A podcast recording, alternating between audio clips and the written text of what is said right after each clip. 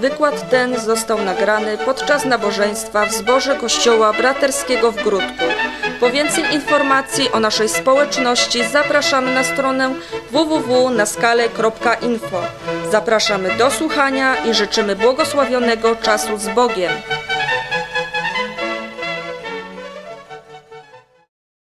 Chwała Jezusowi, witajcie. Amen. I chciałbym dzisiaj wrócić do naszej księgi Daniela i kontynuować to nauczanie, które prowadziłem w tamtym tygodniu. I podobnie jak w tamtym tygodniu, dla całości, dla tego, abyśmy mieli jakby cały ten rozdział przeczytany, zechciejmy otworzyć Słowo Boże, Księga Daniela, trzeci rozdział Księgi Daniela i czytamy od pierwszego wersetu. Trzeci rozdział Księga Daniela, to jest Stary Testament dla tych, którzy nie wiedzą, i czytamy od pierwszego wersetu. Król Nebukadnesar kazał zrobić posąg ze złota. 60 łokci wysokości, 6 łokci szerokości i postawił go na równinie Dura w prowincji babilońskiej. Potem król Nebukadnesar wysłał posłów, aby zebrano satrapów, namiestników, zwierzchników, skarbników, sędziów, doradców, urzędników i wszystkich zarządców prowincji, aby przybyli na poświęcenie posągu, który wzniósł Nebukadnesar. Zgromadzili się więc satrapowie, namiestnicy, zwierzchnicy, doradcy, skarbnicy, sędziowie, urzędnicy i wszyscy zarządcy prowincji na poświęcenie posągu, który wzniósł król Nebukadnesar i stanęli przed posągiem, który wzniósł król Nebukadnesar. A Herold zawołał potężnym głosem: Rozkazuję wam narody, plemiona i języki. W chwili, gdy usłyszycie głos rogu, fletu, cytry, harfy, lutni, dud i wszelkiego rodzaju instrumentów muzycznych. Padnijcie i oddajcie pokłon złotemu posągowi, który wzniósł król Nebuchadnezzar. Kto zaś nie upadnie i nie odda pokłonu, ten będzie natychmiast wrzucony do wnętrza rozpalonego pieca ognistego. Gdy tylko cały lud usłyszał głos rogu, fletu, cytry, harfy i dud oraz wszelkiego rodzaju instrumentów muzycznych, narody, plemiona i języki upadły i oddały pokłon złotemu posągowi, który wzniósł król Nabukadnesar. Dlatego wtedy pewni mężowie halejdejscy wystąpili i złośliwie oskarżyli Żydów. Odezwali się ta i tak rzekli do króla Nebukadnesara: Królu, żyj na wieki. Ty, królu, wydałeś rozkaz, aby każdy, kto usłyszy głos rogu, fletu, cytry, harfy, lutni i dud oraz wszelkiego rodzaju instrumentów muzycznych, padł i oddał pokłon złotemu posągowi. Kto by zaś nie upadł i nie oddał pokłonu, ten będzie wrzucony do wnętrza rozpalonego pieca ognistego. Są mężowie judcy, którym powierzyłeś zarząd prowincji babilońskiej, Szadrach, Meszach i Abednego, ci mężowie nie zważają na Twój rozkaz, o królu, nie czczą Twojego Boga i nie oddają pokłonu złotemu posągowi, który Ty wzniosłeś. Wtedy Nebukadnezar w gniewie i złości kazał przyprowadzić Szadracha, Meszacha i Abednego. Przyprowadzono więc tych mężów przed króla.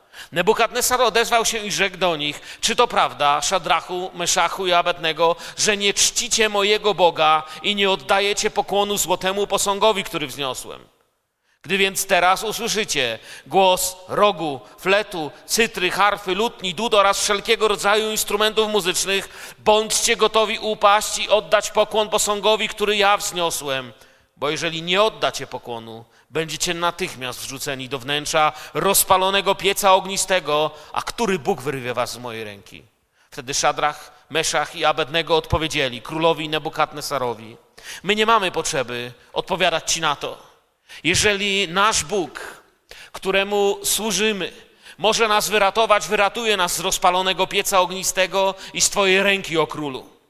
A jeżeli nie, niech ci będzie wiadome o królu, że twojego Boga nie czcimy i złotemu posągowi, który wzniosłeś, pokłonu nie oddamy. Wtedy Nabukadnesar bardzo się rozgniewał na Szadracha, Meszacha i Abednego i wyraz jego twarzy zmienił się. Odezwał się więc i kazał rozpalić piec siedem razy bardziej niż go zwykle rozpalano. I najmocniejszym mężom w swoim wojsku rozkazał związać Szadracha, Meszacha i Abednego i wrzucić ich do rozpalonego pieca ognistego. Wtedy związano tych mężów w ich płaszczach, tunikach, czapkach i w pozostałych ubraniach i wrzucono do wnętrza rozpalonego pieca ognistego.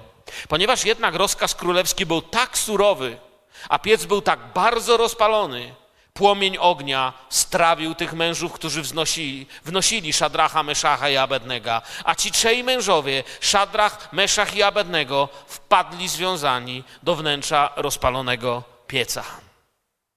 Wtedy król Nebukadnezar przeląkł się. Szybko powstał, odezwał się i zapytał swych doradców, czy nie trzech związanych mężów rzuciliśmy do ognia?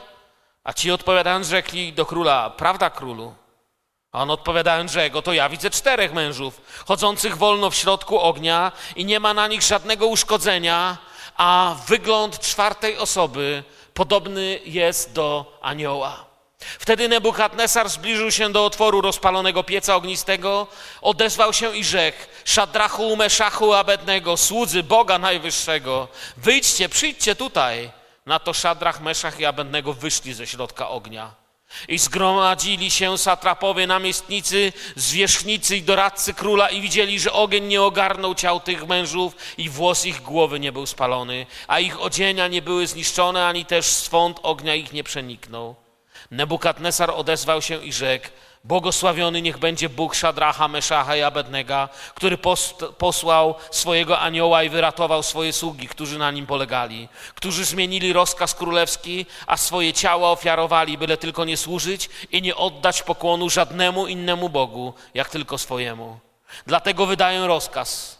Ktokolwiek, należący do jakiegoś ludu, plemiona języka, wypowie bluźnierstwo przeciwko Bogu Szadracha, Meszacha i Abednego, będzie rozsiekany na kawałki, a jego dom zamieniony w kupę gruzu, gdyż nie ma innego Boga, który by mógł wybawić jak tylko ten. Potem król przywrócił Szadrachowi, Meszachowi i Abednegowi dawne powodzenie w prowincji babilońskiej. Nebukadnezar król do wszystkich ludów, plemion i języków, które mieszkają na całej ziemi. Pokój wam. Postanowiłem oznajmić o znakach i cudach, których na mnie dokonał Bóg Najwyższy. Jakże wielkie są Jego znaki, jakże potężne Jego cuda. Jego królestwo jest królestwem wiecznym, a Jego władza z pokolenia w pokolenie. Właściwie ostatnie dwa wersety, które czytamy, tak naprawdę mogłyby być początkiem następnego rozdziału, ponieważ to, czego doświadczy jeszcze Nabuchodonozor czy Nebukadnesar, jak tu mamy powiedziane, wstrząście całkowicie jego życiem. Chciałbym dzisiaj prześledzić ten rozdział, abyśmy zobaczyli na to, co naprawdę się stało i jakie odniesienie duchowe my możemy mieć do tego, żyjąc dzisiaj w naszych czasach. Chciałbym przypomnieć z poprzedniego wykładu o tym, co mówiłem, że księga Daniela jest rodzajem apokalipsy. To jest rodzaj księgi objawienia, apokalipsy, coś jak mamy w Nowym Testamencie, apokalipsę według świętego Jana. Tak Stary Testament ma też taką swoją apokalipsę, księgę objawienia i nie z ją właśnie księga Daniela. Niezwykle prorocza, zapowiadająca czasy ostateczne, prowadząca nas przez całą historię. W poprzednim wykładzie mówiłem wam, bracia, siostry, przyjaciele, o tym, co oznaczał posąg, który śnił się królowi. Król po tym śnie nie mógł sobie z tym poradzić i zaczyna coś robić. Wszystko zaczyna się od tego, że pojawia się posąg. Pojawia się początek trudnych czasów dla wierzących ludzi, którzy są tam opisani. Pojawia się początek testu. Wiecie, sen Nabuchodonozora, który miał, on się miał wypełniać przez całe wieki. Ale tutaj, w tym rozdziale, widzimy jakby jego skróconą wersję. Wydarzy się cała ta historia na oczach przerażonych ludzi. Sen, jaki miał król i Boża odpowiedź, jaką otrzymał, została omówiona wcześniej. Teraz nie będziemy o tym mówić, ale musimy sobie uświadomić coś bardzo historycznie ważnego, że w każdych czasach będą żyli ludzie gotowi przyjąć pokłon świata, chcący, żeby świat ich uwielbiał i wywyższał. Niedawno dokładnie przestudiowałem życie Adolfa Hitlera i Józefa Stalina, którego prawdziwe nazwisko było Dżogaszwili. Każdy z nich chciał całkowitego oddania sobie honoru i chwały. Planem Stalina było zniszczenie kościoła. I pamiętam ten wstrząsający moment, kiedy pierwszy raz byliśmy z moją żoną na Placu Czerwonym już jako misjonarze. I każdy o tym wtedy mówił, każdego to poruszało, ponieważ na Placu Czerwonym głosili wtedy Ewangelię. Odbywały się wszędzie w Rosji ewangelizacje. I pomyślałem sobie, że na kościach tych, którzy mówili, tak jak Chruszczow, że pokażą w telewizji ostatniego chrześcijanina, jest głoszona Ewangelia. Ale ciężkie chmury nadciągają w historii w różnym czasie. Podobnie Hitler, jego celem było całkowicie unicestwić chrześcijaństwo. Hitler zamierzał je zlikwidować i wprowadzić religie teutoniczne, pogańskie, germańskie, starodawne wierzenia. A więc przez całą historię inni jeszcze się pojawiali, którzy chcieli, aby oddano im hołd i byli gotowi mordować i przelewać krew, żeby to się stało. I dla wielnych ludzi Pan dał ten rozdział Słowa Bożego, by widzieli, jaka będzie przyszłość i przez co będzie musiał Boży lud iść i jak ma rozwiązywać ten problem. Chcę Wam powiedzieć, nie jesteśmy pierwszym pokoleniem, które czyta ten rozdział i zaczyna podejrzewać, że pewne rzeczy dzieją się na naszych oczach.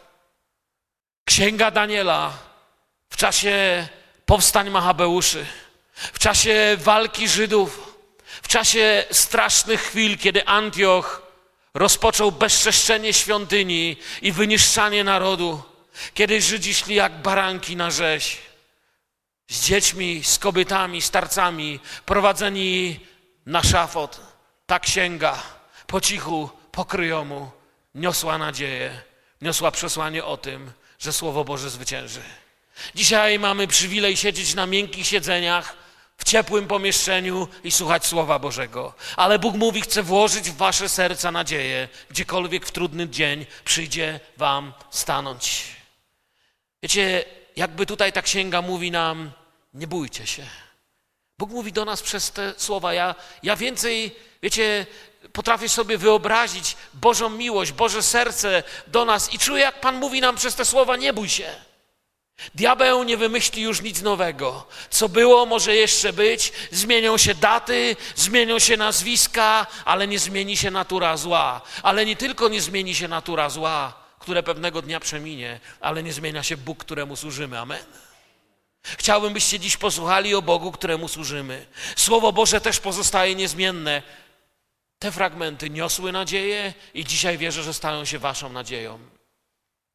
Nasza historia, którą czytamy o posągu, któremu ludzie musieli oddać pokłon, rozpoczyna się około 590 lat przed narodzeniem Syna Bożego w Betlejem.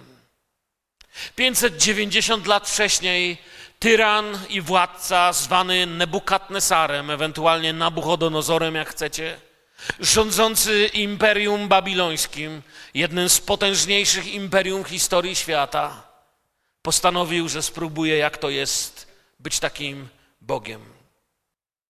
Babilon rządził wtedy światem i nie było takiej siły i nie było takiej armii, która mogłaby się mu przeciwstawić, przynajmniej tak wierzyli wtedy. Nabuchodonozor ciągle żył jeszcze tamtym snem z drugiego rozdziału Księgi Daniela. Wiedział, że jest wielki. Nabuchodonozor czuł się wielki i pewnego dnia do nieba jego pycha dojdzie, bo czuł się tak ogromnym i wpływowym władcą. Wiedział, że jest wielki, ale wiecie czego się bał? Bał się tego, czego się boją wszyscy wielcy i pyszni ludzie. Że być może nie wszyscy zauważyli, jaki jest wielki że być może nie wszyscy zobaczyli, jaki jest wspaniały. I myśl o posągu nie opuszczała go. Czuł się dumny. Wszak wielki Boży prorok Daniel pokazał mu, że w wizji posągu, którą widział, był głową ze złota, a więc był kimś. Był właściwie tym najlepszym, co było w tym posągu, przynajmniej według jego mniemania. Czuł się dumny jako głowa ze złota i myśl, by uznać się za Boga, musiała go bardzo mocno męczyć. Jeśli się jest kimś takim, Myślał sobie, niech ludzie wiedzą, niech cześć oddadzą. Przecież w końcu inni bogowie się nie obrażą. No nie obrażą się, bo ich nie ma, ale on tego nie wiedział. A więc myślał, w końcu inni bogowie się nie obrażą. Jednak ta część historii, że posąg pewnego dnia runie, to mu się już nie podobało. A więc zbudował posąg trochę lepszy niż ten we śnie. Zbudował cały ze złota. Cały posąg ze złota w takim wypadku myślał, może się nie wywróci. Zbudował cały posąg ze złota. Posąg tak technicznie miał 30 metrów wysokości. Słyszałem, że ta wieża tutaj w naszym zborze ma 27, dobrze mówię? Tak? Ile? 21,5. To pomyślcie, posąg miał 30. To tak dla porównania. Nasza wieżyczka ma 21,5, posąg miał 30. I 3 metry szerokości miał. Był postawiony na równinie Dura, jak czytamy, czyli około 10 kilometrów na południe od Babilonu. I to jest też dokładnie miejsce, gdzie w 1854 roku francuscy archeolodzy znaleźli postument wysoki na 6 metrów. Jakby podstawę czegoś ogromnego, co musiało tam stać. Naturalnie złota już tam nie było w tym czasie. W wypadku Nabuchodonozora ta historia duchowo uczy nas i daje nam biblijną prawdę, która ciągle i ciągle się nie zmienia i dzisiaj dotyczyła, dotyczy ciebie, a wtedy dotyczyła Nabuchodonozora, dotyczy mnie, dotyczy ciebie, dotyczy każdego człowieka chodzącego po tej ziemi. Pycha przychodzi zawsze przed upadkiem. I nie ma inaczej, i nie będzie inaczej, i nie chce być inaczej. W jego śnie był głową ze złota, a teraz chciał swój sen oglądać na swoje oczy i było go na to stać. Ale Bóg postanowił, że będzie go uczył i postanowił uczyć go pokory i pokazać mu, że nie jest największy tak, jak mu się wydaje. Ale przez to nastały czasy, które stają się prorocze przez tą księgę. Chciałbym, by to była pierwsza rzecz, którą usłyszycie. Ta księga prorokuje o przyszłości. Mówi o tym, co było, ale mówi też o tym, co będzie. Mówi o tym, w jaki sposób duch antychrysta, w jaki sposób zło zawsze przejmuje władzę. A więc pierwszy werset tej księgi, pierwszy rozdział, przepraszam, tego rozdziału mówi nam, że został postawiony posąg i że był to początek testu, co wynika z innych wersetów. Człowiek zaczął się podawać za Boga. Tutaj słowo posąg, abyście wiedzieli, dokładnie w swoim znaczeniu, tam nie jest napisane, że yy, dokładnie my mamy tutaj w naszym tłumaczeniu napisane, król Nebuchadnezzar kazał zrobić posąg ze złota. Tutaj słowo posąg jest dokładnie tłumaczone jako ludzki kształt. Kazał zrobić ludzki kształt ze złota. Tak jest tam napisane. Co się dzieje? Drugi i piąty werset. Od drugiego do piątego wersetu tego rozdziału czytaliśmy, pokazuje nam, że następuje w całym kraju, i teraz uwaga, zmiana przepisów. Ludzie w historii już to widzieli. Żydzi prześladowani przez Antiocha, chrześcijanie prześladowani przez Rzym, Żydzi i inni prześladowani przez Hitlera, ludzie prześladowani przez Stalina i ofiarów wielu innych antychrystów, którzy chodzili po tym świecie. Następuje zmiana przepisów. Ludzie wieczorem kładli się spać w kraju, gdzie były takie i takie przepisy, takie i takie zasady. Kiedy budzili się rano, obudzili się w zupełnie innej rzeczywistości, gdzie przepisy i prawa stały się inne. Gdyby mieli radio w Babilonie i gdyby je włączyli, usłyszeliby, że od dzisiejszego dnia zmieniła się konstytucja, że zmieniły się prawa, że zmieniły się zasady, na których od tej pory będziemy żyć. I później w historii wiele razy ludzie to słyszeli, i być może na tej sali siedzi pokolenie, które znowu to usłyszy. Nie tylko słyszą, że zmieniła się rzeczywistość. W jedną noc kładli się spać w kraju, gdzie można było spokojnie spać. Obudzili się w kraju, gdzie trzeba było powiedzieć, po czyjej stoi się stronie. Gdzie nie dało się powiedzieć, że jest się po środku, gdzie nie dało się nie mieć poglądów. Również od drugiego do piątego wersetu czytamy, że zostaje zwołane coś, co tam nie jest tak nazwane, ale ja to nazwę współczesnym językiem. Może sparafrazuję, ale to jest współczesna nazwa. Zostaje zwołana Światowa Konferencja Polityczno-Ekonomiczna. Zobaczcie, jacy ludzie tam zjeżdżają. Światowa Konferencja Polityczno-Ekonomiczna. I gdyby nie przyprowadzeni z Izraela Boży ludzie, świat Nabuchodonozora cieszyłby się jednością. Gdyby nie ci Żydzi, to byłoby już jedność. Później w Rzymie, gdyby nie ci chrześcijanie, to wszystko by było lepiej. Gdyby nie ci, zawsze ktoś jest winny. I zwróćmy uwagę, że ludzie związani z każdą dziedziną życia stawili się jak jeden.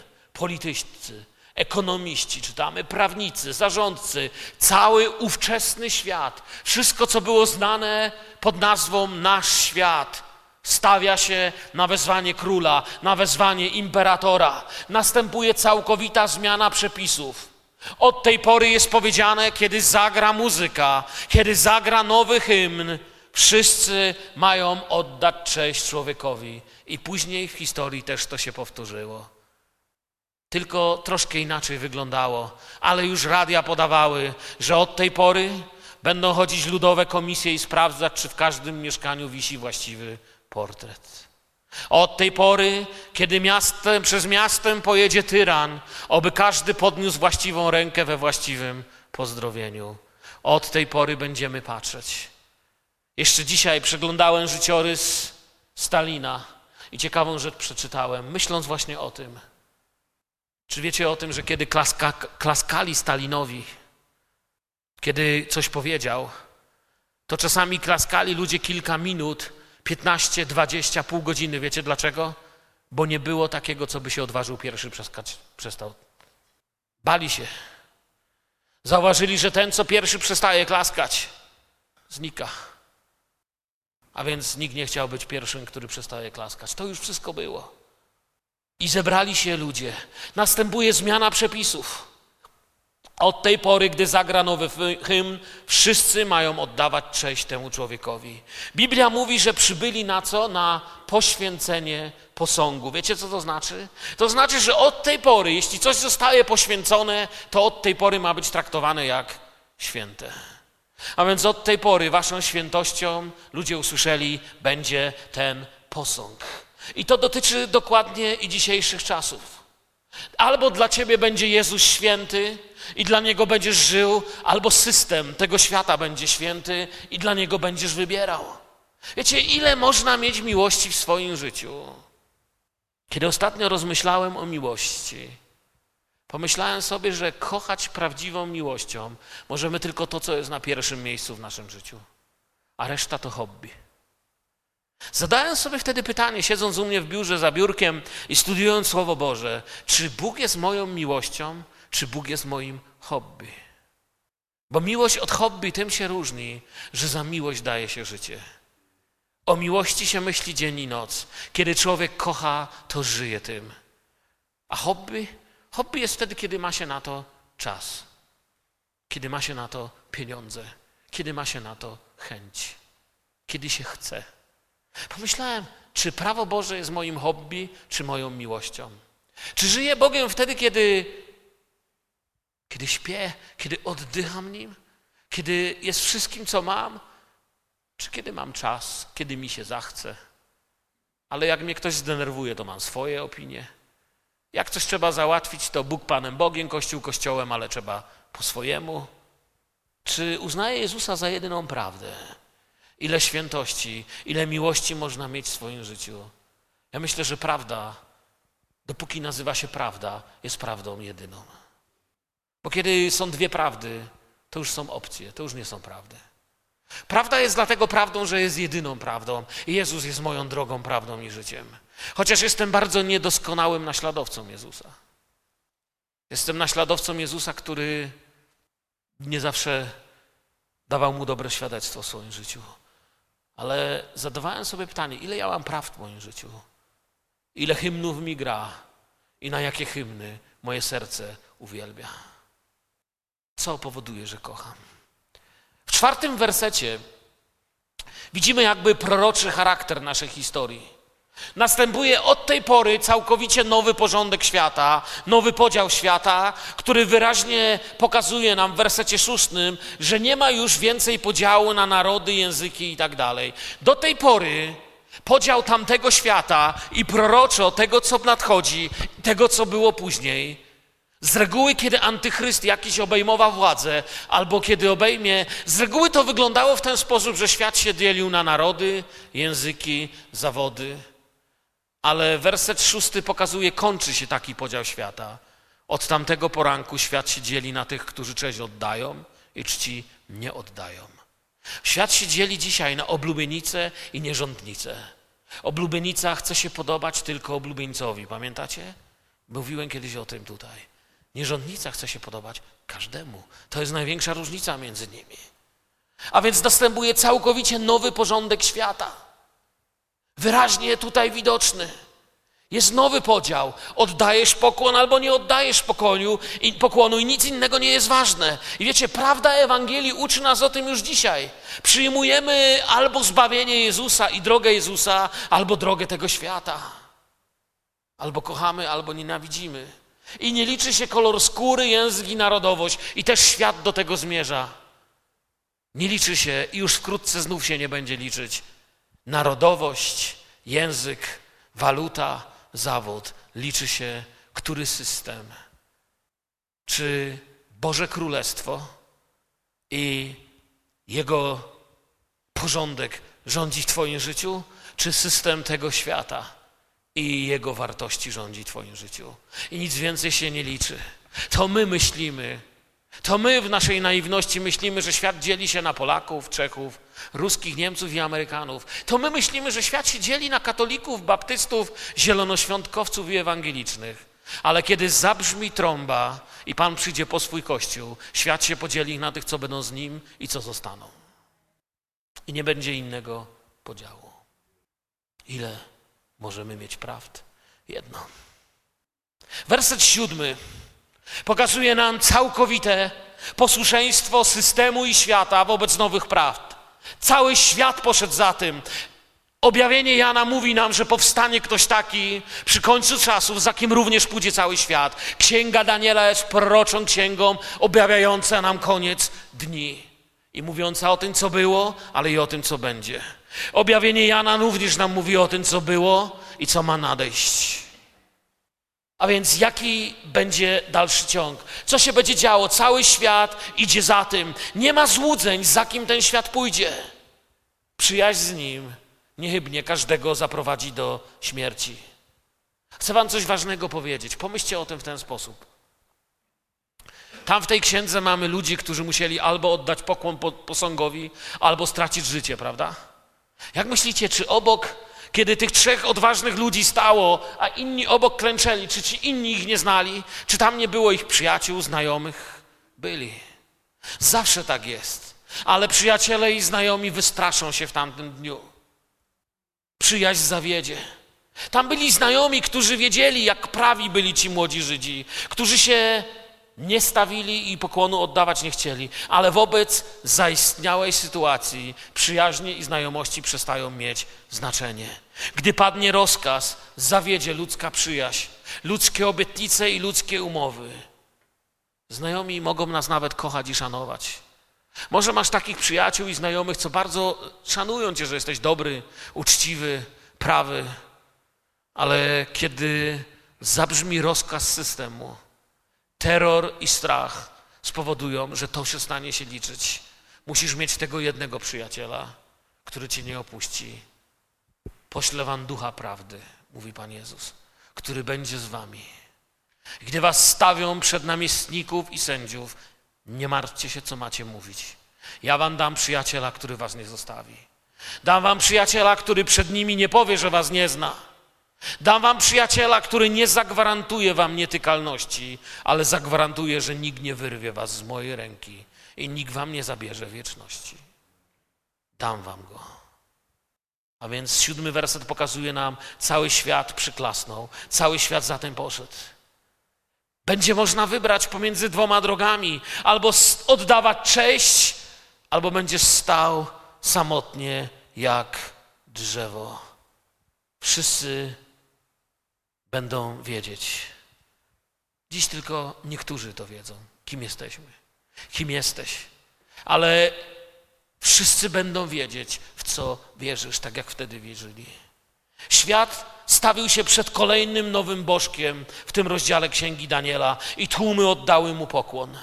Jeszcze raz powtórzę, gdyby w tamtych czasach mieli radio, telewizję, gdyby mieli na przykład informacyjny kanał, coś w rodzaju takiego 24 na dobę, jak dzisiaj mamy, to wszystkie media jednym głosem nadawałyby tą modlitwę i ogłaszałyby, że na głos trąby, na głos instrumentów, na głos systemu wszyscy muszą oddać chwałę i cześć systemowi.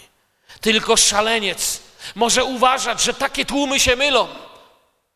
Tylko szaleniec może za tym nie pójść. Ale problem polega na tym, iż tłumy mogą być oszukane i zastraszone, tworząc złudzenie masowej zgody i poparcia, jak to już wiele razy było. I kiedy zagrały instrumenty, kiedy w słońcu lśnił posąg, cały świat, mówi nam siódmy werset, wszystko, cały system upadł i oddał pokłon. I tylko trzy głowy sterczały, jak mucha w beczce miodu dla diabła jak zdechła mucha na torcie. Jak coś, co do niczego nie pasuje. Trzy głowy, tak mało. Wobec tłumów, które oddały hołd. I taka wielka wiara. Jaka myśl, pomyślałem sobie, była w ich sercach? Co myśleli? Co ja bym czuł, gdybym otoczony setkami ludzi jedyny stał? Co było w ich sercach? Kiedy skończyła się muzyka i wszyscy leżeli twarzą do ziemi, a tylko trzech stało. Jakim słowem się pocieszali? A może w ich sercach brzmiało takie słowo: nie czyń sobie podobizny rzeźbionej, czegokolwiek, co jest na niebie i w górze i na ziemi i w dole i tego, co jest w wodzie pod ziemią, nie będziesz się im kłaniał i nie będziesz im służył, gdyż ja, Pan, Bóg Twój, jestem Bogiem. Ja jestem Bogiem. Jest, prawda jest zawsze jedna. Może wspominali Jozuego, który mówił śmiało, że on i jego dom będzie służyć Panu. Nie wiem. Może ktoś z znajomych szeptał do nich: klęknijcie, co wam zależy. To było dawno, co czytaliście gdzieś tam w jakichś pismach. Dzisiaj jest dzisiaj, zróbcie swoje, pójdziecie do domu. To było dawno, nie wiadomo, czy ta Ewangelia jest prawdziwa, a może ktoś zmienił, a może ktoś coś, nie wiadomo, co im mówili. Ale oni stali i wierzyli, że jest prawdziwa i niezmienna. I ósmy do czternastego wersetu zaczynają być prorocze. Pokazują nam, że w każdych czasach i okolicznościach, że w różnych sytuacjach życia przychodzi czas, kiedy Boży lud zaczyna być widoczny. Do tej pory był jakby niewidoczny, a staje się teraz widoczny. Zaistniała sytuacja stawia ich w miejscu, gdzie nie można się już schować. Nie ma już ogółu. Nie ma już, że jest ogólnie kupa ludzi i każdy myśli co innego. Są, tak jak powiedziałem, pokłon oddający i pokłon nieoddający. Dwóch będzie nałożył, jeden zabrany, drugi pozostawiony. Dwóch szło po drodze, w dwóch kierunkach można iść. Można żyć życiem błogosławionym albo przeklętym. Zawsze w końcu nauka Biblii doprowadza nas do czarno-białego wyboru. Do wyboru prawej albo lewej strony naszego marszu. Ludzie byli, Boży do tej pory jakby niewidoczni. Ale tutaj zaczynają być widoczni. Czasem się martwimy. Coś wam chcę powiedzieć, co myślę jeszcze. Czasem się martwimy, że nasze zbory nie liczą tysiące ludzi. Oczywiście chcemy, żeby się nawróciło jak najwięcej ludzi, amen. Przynajmniej każdy, kto normalnie ma Jezusa za Pana i kocha Boga i wybiera się do Królestwa Bożego, marzy o tym, żeby przyprowadzić innych ludzi do Jezusa. Każdy normalny chrześcijanin chce chociaż parę osób, póki żyje, przyprowadzić do Jezusa. Ja wiem. Marzymy, żeby mieć wielkie zbory, ale tutaj Bóg pokazuje nam prawdę, którą chce, żeby była w waszych sercach. Że Kościół, że Boży ludzie są widoczni, ale nie z powodu swojej liczby, ale z powodu swojego życia. Tych trzech widać bardziej niż tysiące. Kościół będzie widoczny nie z powodu swoich majątków, liczby, tysięcy, nie z powodu swoich możliwości w tym świecie. Kościół jest widoczny nie z powodu ilości, ale z powodu tego, kim jest i za czym stoi. Z powodu tego, w co wierzy, z powodu tego jest widoczny Kościół. Król zadaje im pytanie. Czy to prawda, że w ten cudowny dzień nie stoicie z wszystkimi? Patrzymy na 8 do 14, te wersety tam macie w materiałach. To są te wersety, gdzie lud Boży zaczyna być widoczny. Do tej pory król tego nie zauważał, do tej pory wielu nie widziało. Teraz wprost zadaję im pytanie, czy to prawda, że nie stoicie w ten cudowny dzień? Wszyscy przecież się stawili, wszyscy oddają pokłon. Czy to prawda, że wy stoicie? Że nie oddajecie pokłonu? Przecież mamy dzisiaj jedność, zgodę między ludźmi. Czego psujecie tą jedność? Czemu psujecie ją? Mają Boga, któremu, który każdy, każdemu pasuje. A jaka jest wasza prawda, chłopcy? pyta król. Jaka jest wasza prawda, chłopaki? Świat pokazał, że chce mieć jedną prawdę. Dla ludzi inaczej ich nie przyjmie. Co jest ich prawdą, co jest naszą prawdą? Czy Jezus jest naszą prawdą wobec oczywistych praw tego życia? Religijnie? Tak, wszyscy przyznajemy, że jest. Ale jeżeli naprawdę dla wszystkich wierzących Jezus jest prawdą, to skąd nasze problemy? I w wersecie 12 świat składa tutaj świadectwo. To jest świadectwo świata. Nie ma wątpliwości, że widzą ludzi, którzy nie poddali się bałwochwalczemu prawu. I świat nie mówi tutaj o jakichś nieprzekonanych do końca ludziach. Mówi on o ludziach obcym temu, w co świat wierzy. Wiecie dlaczego? Bo nie może się ukryć miasto położone na górze. Ono będzie świecić. Czy nie powinniśmy się modlić, aby mieć tak jasne świadectwo w naszym życiu? Zwróćcie uwagę, tych trzech młodzieńców nie musi wyjaśniać w długich teologicznych dysputach, w co wierzą. Cały świat widzi, w co wierzą. Świat patrzy na ich życie i po tym życiu widzi, w co wierzą. Nic już nie muszą mówić. Od 15 do 18 wersetu wchodzimy w dalszą proroczą część tego rozdziału Księgi Daniela. Część, którą zatytułowałem tutaj Nieposłuszeństwo Kościoła tym materiale, który wam dałem. Nieposłuszeństwo ludu Bożego bardziej objawione tutaj w tej starotestamentowej historii. Nieposłuszeństwo, które jest posłuszeństwem. W niedzielę mówiłem o błogosławionym buncie, pamiętacie? I o królu Hiskiaszu. Dziś mówię o nieposłuszeństwie, które jest błogosławieństwem. Nieposłuszeństwo, które jest posłuszeństwem. Apostołowie mówili też o tym. Lecz Piotr i Jan odpowiedzieli im i rzekli: Czy słuszna to rzecz w obliczu Boga raczej was słuchać, aniżeli Boga? Sami osądźcie. I my musimy osądzić w czasach, w których żyjemy. Czy i kogo chcemy słuchać? Dzieje apostolskie 4,19 to było. Wiecie, ich życie doszło do takiego miejsca, tych trzech młodzieńców, kiedy ich życie doszło do miejsca, które możemy nazwać Kto jest Bogiem? Czasem udaje nam się na to pytanie nie odpowiadać, kiedy świat się obchodzi z nami łagodnie, kiedy jest dużo dostatku, kiedy jest dużo spokoju. Ale chcę Wam powiedzieć, Twoje małe codzienne decyzje na tak albo na nie uformują Cię na dzień wielkiej decyzji. Kiedy przyjdzie wielka decyzja, jeśli będziesz mocno szczepiony z Jezusem, trudno Cię będzie z Nim rozdzielić, będziesz też w Nim mocno trwał.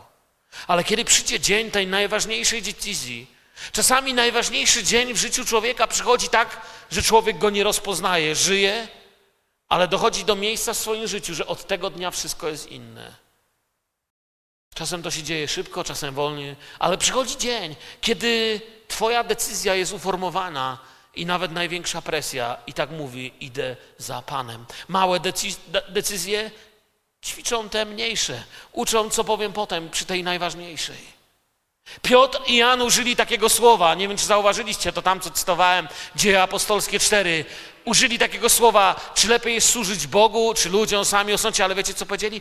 Czy nam w obliczu Boga To jest coś, o czym dzisiaj wielu z nas zapomniało, o czym wiele razy w moim życiu sam zapominałem, o czym wielu z Was zapomina w obliczu Boga.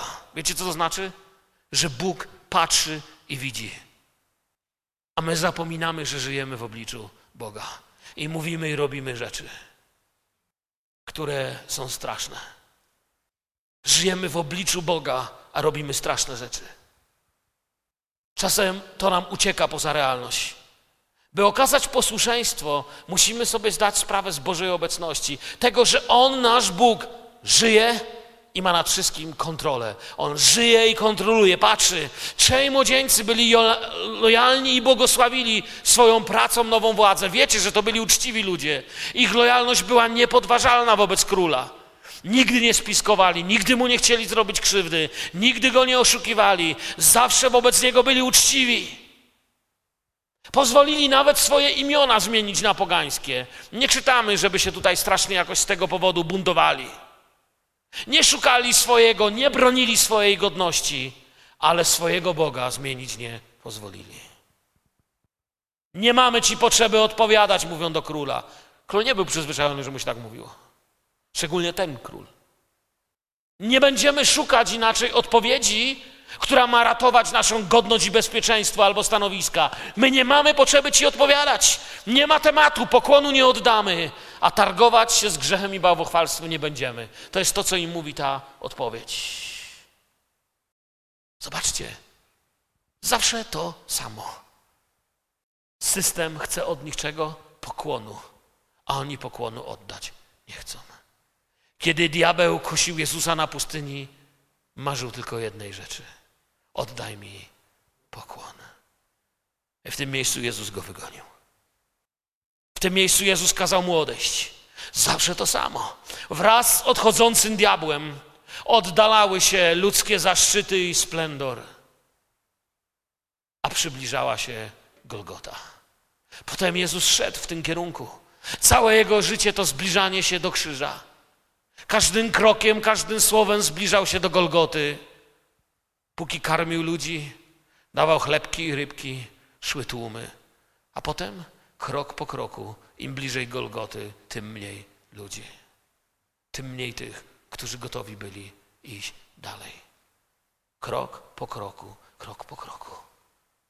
Trzej Żydzi mają oddać tylko pokłon. Nie muszą stać się przecież źli. Król im nie mówi, stańcie się źli. Mówi, oddajcie tylko pokłon.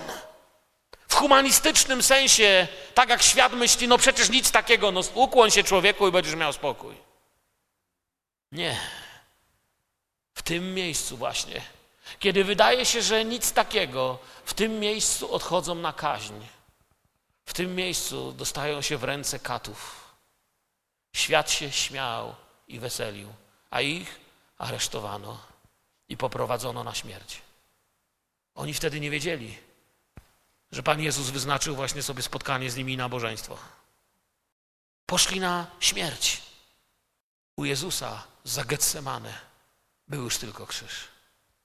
Przyszedł Judasz, pocałował, a potem poprowadzili go. Ale kiedy przyszedł do Getsemane, to był ten Jezus gotowy.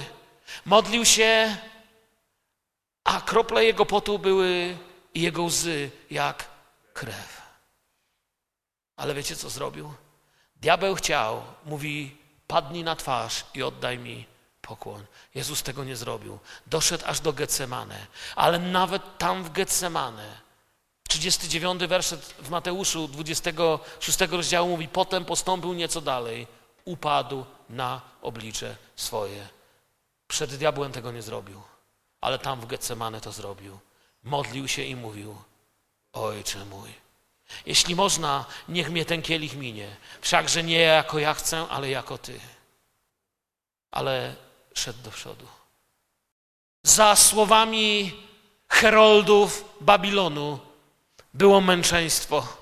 Za Getsemane było męczeństwo. I dlatego myślę, że jeśli studujemy ten fragment Słowa Bożego, Duch Święty postawi nam pytanie, czy Słowo Boże stawia pytanie, kto chce pójść za mną. Świat nazwie cię głupcem. Świat powie, że jesteś głupi. Ale o głupim Biblia mówi, że on rzekł w sercu swoim coś, co zmieniło, kłamstwo, które go zmieniło. Cena uczniostwa. Pójście za Jezusem będzie was kosztować. Chcę, żebyście to wiedzieli. Idą dni, kiedy zapłacicie za to, że idziecie za Jezusem. Taką czy inną cenę. I dlatego Jezusa trzeba kochać, a nie tylko w Niego wierzyć. Jeśli by starczyło wierzyć w Jezusa, to nawet diabeł wierzy, że Bóg jest. Wiecie o tym? Diabeł nie jest ateistą.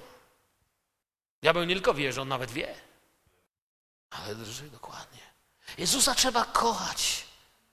Cena, którą płacimy, jest następstwem pójścia w Jego ślady. I zadaję sobie pytanie, czy chcę zapłacić? Ktoś powie, za co chcesz płacić? Co kupujesz?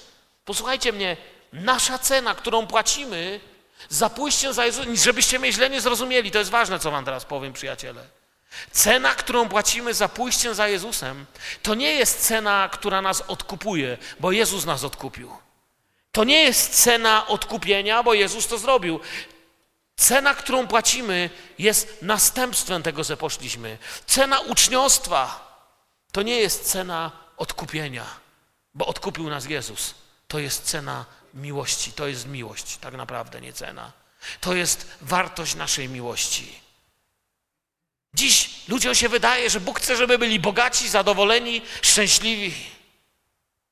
Powoli milkną głosy Ewangelii sukcesu, która jeszcze 10, 15, 20 lat temu krzyczała, że Bóg chce, aby każdy opływał w dostatki. Milkną, bo zaczyna im brakować argumentów. Wiecie, jaka to jest prawdziwa Ewangelia? Prawdziwa Ewangelia to jest Ewangelia, która działa wszędzie, a nie tylko wtedy, kiedy się ma pieniądze i zdrowie a nie tylko w bogatych krajach. Jeżeli Twoja Ewangelia działa tylko wtedy, kiedy masz pieniądze, to Ty nie znasz prawdziwej Ewangelii. Jeśli Twoja Ewangelia działa tylko tam, gdzie ludzie mają się dobrze, to nie znasz. Ewangelia działa wszędzie. Ewangelia działa wśród bogatych i biednych. Ewangelię nie dostaliśmy po to, by być bogaci i by czuć się pysznymi, ale po to, by naśladować Jezusa i stawać się do Niego podobnym. Wielcy telewizyjni kaznodzieje. Mówią, Bóg chce, żebyś miał dużo.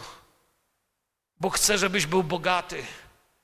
Bóg chce, żebyś miał wszystko ze złota. I co nie wiadomo jeszcze, chcę wam powiedzieć, kiedy w ten wielki dzień uwielbienia przed tronem Bożym spotka się cały Kościół odkupiony przez Jezusa, to pewnie 90% tych, których tam spotkamy, gdy dojdziemy naszą drogą do końca i staniemy przed tym wielkim tronem, żeby chwalić Pana, 90% z nich miało tylko jedne buty albo wcale.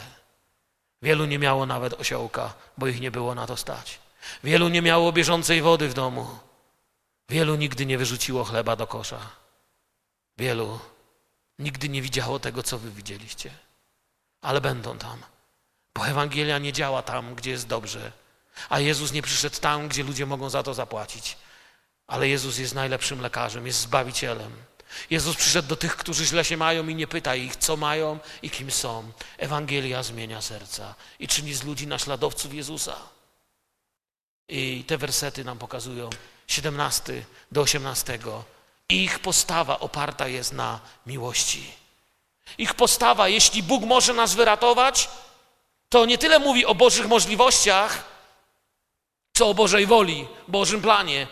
Oni nie mówią, jeśli Bóg może nas wyratować, to nie mówią, wiecie, tutaj tego w sensie, że może, a może nie może. Nie. Bardziej tu mówią w sensie Bożej woli. Rozumiecie mnie, o czym mówię? Że jeśli taka wola Boża jest, to chce, jeśli może.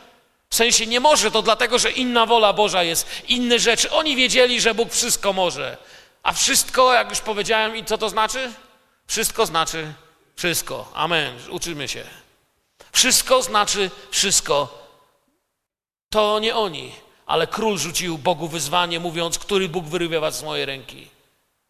I to był Bóg, którym on zapomniał, że dał mu wielką odpowiedź na jego sen. Nazwał go wtedy Bogiem Bogów w drugim rozdziale, w 47 wersecie i Panem Królów. Oni wiedzieli, że nikt nie może z ręki Bożej ich wyrwać. Stanęli twardo i wyznawali wiarę i to była ich odpowiedź. I teraz 19-20 werset pokazuje nam odpowiedź świata. To była odpowiedź Kościoła. Jaka będzie odpowiedź świata? Musimy zdać sobie sprawę, to jest kolejna ważna rzecz, którą chcę Wam powiedzieć w czasie dzisiejszej lekcji Słowa Bożego. Świat nie będzie klaskał Wam za to, że kochacie Jezusa. Słyszycie mnie, przyjaciele? Ten świat nie będzie Wam mówił brawo, jakiego wspaniałego Boga macie. Świat nie będzie klaskał za to i nie będzie podziwiał Waszej wiary, za to, że wierzycie. Dziś niektórzy ludzie zazdroszczą nam pokoju i szczęścia. I my często myślimy, imponuje ludziom moja wiara. Jeśli ludzie nie zobaczą Jezusa, to ich życie się nie obudzi. Jeśli ludzie widzą Twoje szczęście, to chcieliby je bez Twojego Boga. To by chcieli, ale nie z Twoim Bogiem. Tego już nie chcą. To musi być objawienie. Inaczej, jeśli Ojciec nie pociągnie, wiecie o czym mówię? Jeśli Duch Święty nie przekona, ale przyjdzie czas, i przychodził i będzie przychodził raz na czas, że powstaje w historii, powstawał i powstanie bluźnierca, który mówi do ludzi, a ja zaspokoję wasze potrzeby bez Boga. Dam wam bez Boga to, co może być. Dam wam pokój, dam wam bezpieczeństwo, dam wam jedność bez Boga. Tylko oddajcie mi pokłon. A my mamy imię Jezusa.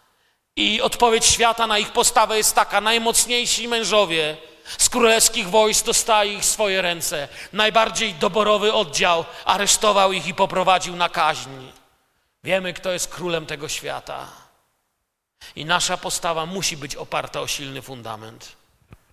Ze względu na swoją postawę odpowiedział świat. A odpowiedź świata brzmiała jak? Boży lud w ogień. Niech wejdzie Boży lud w ogień. Oni wtedy jeszcze nie wiedzieli, że tam czekał Jezus. I mówił, to najlepsze miejsce, chłopaki, na spacer dzisiaj. Dla was. To jest miejsce waszego bezpieczeństwa. Oni widzą ogień, ale wy zobaczycie coś innego. Wiecie, ich strach był taki sam, jak byłby wasz. Ich lęk był taki sam. Nie pierwszy, nie ostatni raz w historii świat powiedział Boży lud w ogień. Była już, były i będą sytuacje.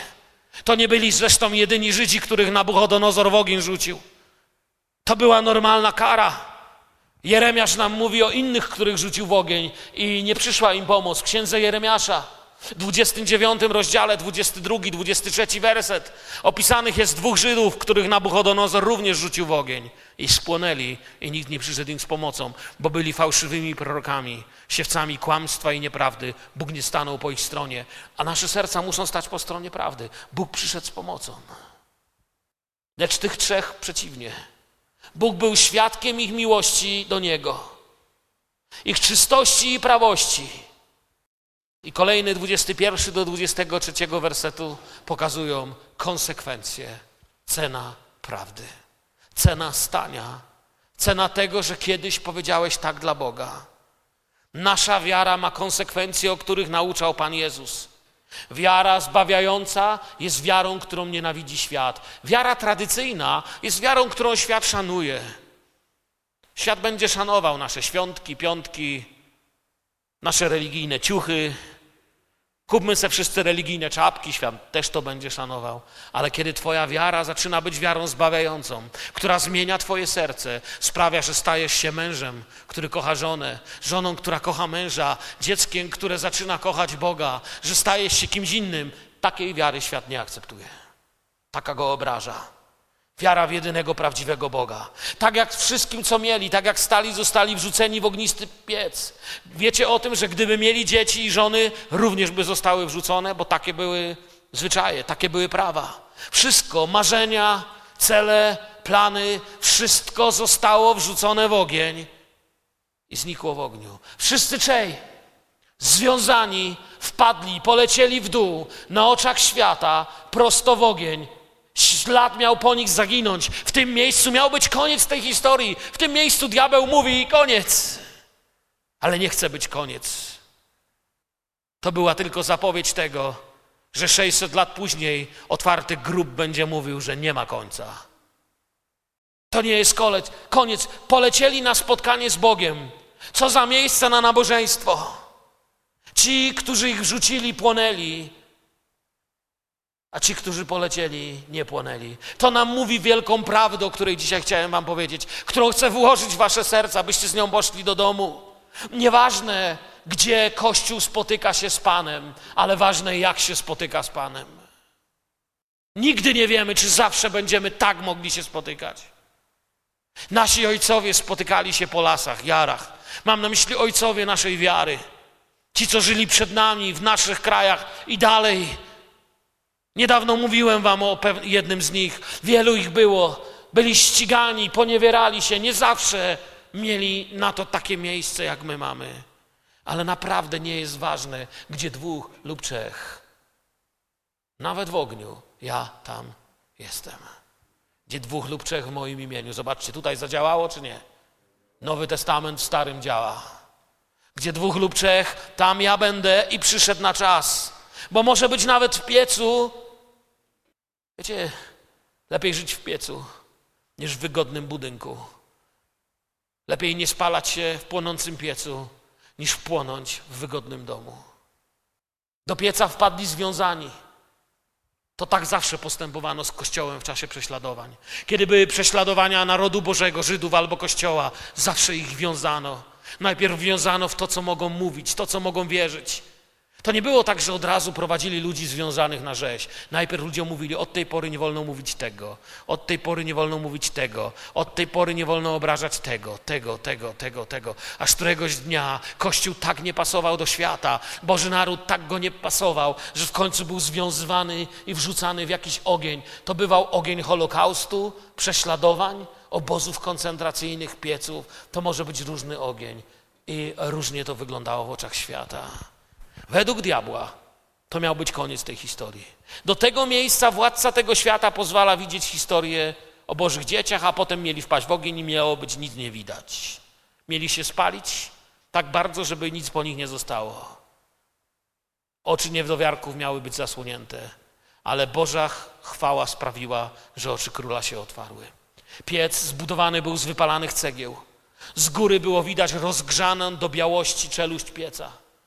Był tak rozpalony, że kamień był do białości, był prawie, że po prostu lśnił się do białości od ognia. Paliwem były specjalnie dobrana mieszanka olejowa. I tu następuje Boża ingerencja. Werset 24 i 27 mówi nam o Bożej ingerencji. Ledwie skończyli prześladowania, powinni być zadowoleni. Powinni siąść i powiedzieć: No, nareszcie spokój. Nie ma tych, którzy nam czuli uroczystość. Teraz będziemy się cieszyć. Ale tam diabeł poznał tylko przedsmak. Tylko troszeczkę powąchał tego, co mu się miało przydarzyć 600 lat później. Golgotę. Tam też się miała skończyć historia, a się zaczęła. Tu też się miała skończyć historia, a się zaczęła. Dziwnie to jest z Panem Bogiem. Kiedy ludzie myślą, że to koniec, to to dopiero początek. To nie dotyczy mojego kazania, to też koniec, nie początek. Kiedy ludzie myślą, że to koniec, to jest dopiero początek. Już mieli powiedzieć, niech żyją nowe plany, nowy porządek. Jak nie warte wiele są prawdy tego świata. W 24 wersecie król się pyta, czy nie wrzuciliśmy tam trzech. A ci co odpowiadają królowi? Prawda królu. Tyle jest warta ich prawda.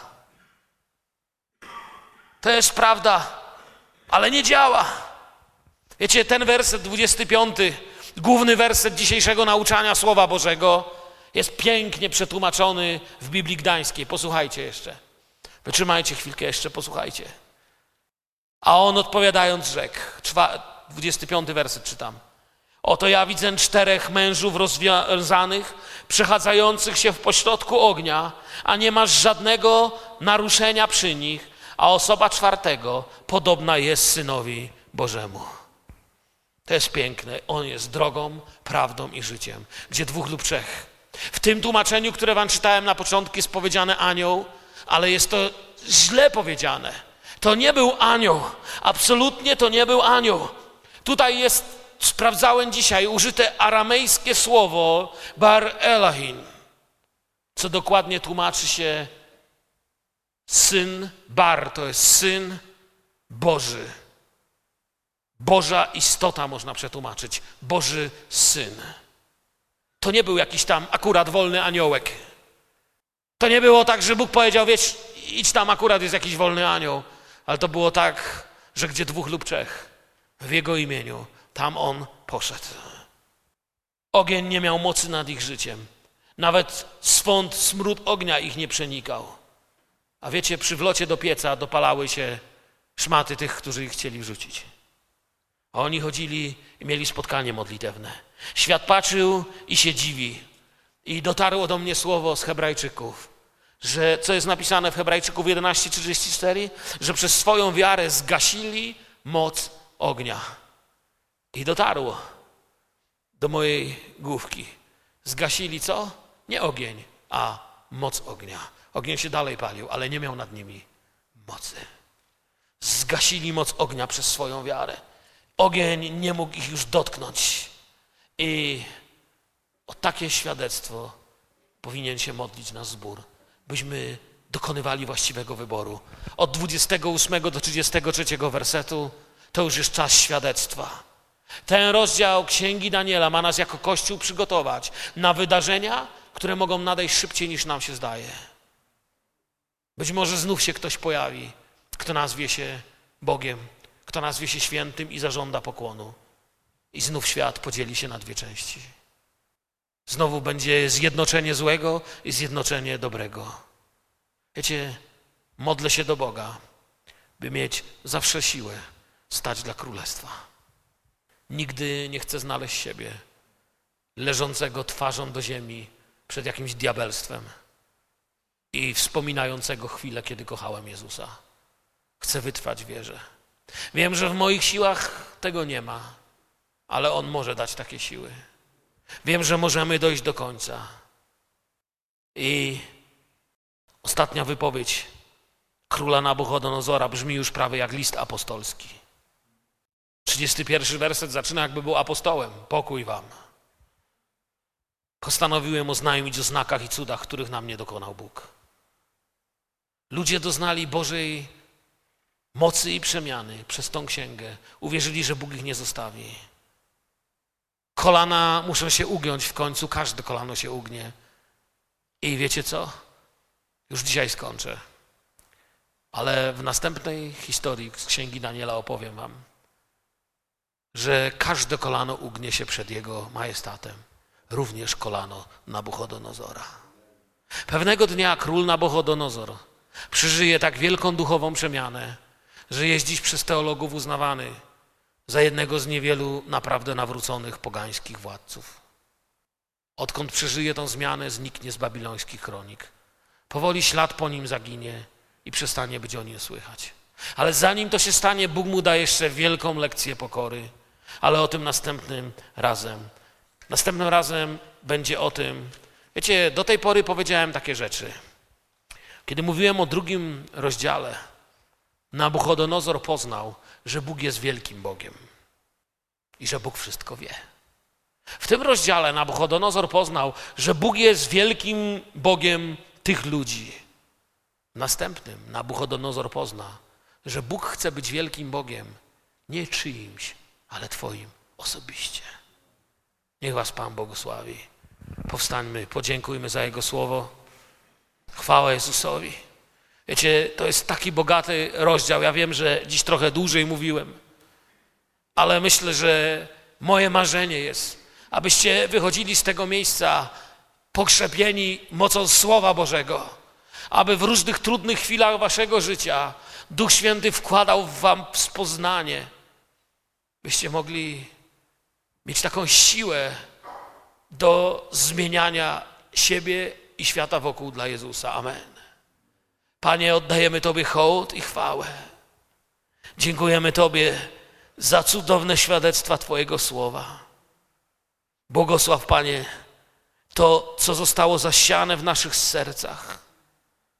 Panie, daj nam siłę odważniej mówić o Tobie. Panie, wybacz nam chwilę, kiedy wobec presji posągów i bożków tego świata umilkliśmy i nie przyznaliśmy się. Wybacz nam chwilę, kiedy nasze gniew, nasze nerwy, nasze egoizmy uznawaliśmy za większe niż Twoje słowo. Wyznajemy, że Ty jesteś królem królów i panem panów. Ty jesteś wielkim Bogiem, Panie. Trzymaj nas mocno. Wyznajemy Ci, że bez Ciebie nic nie możemy, a w Tobie, w Tobie wszystko jest możliwe. Błogosławię, Panie, zebranych tutaj braci i siostry. Włóż to słowo mocno w ich serce. W imieniu Jezusa, Syna Bożego. Amen.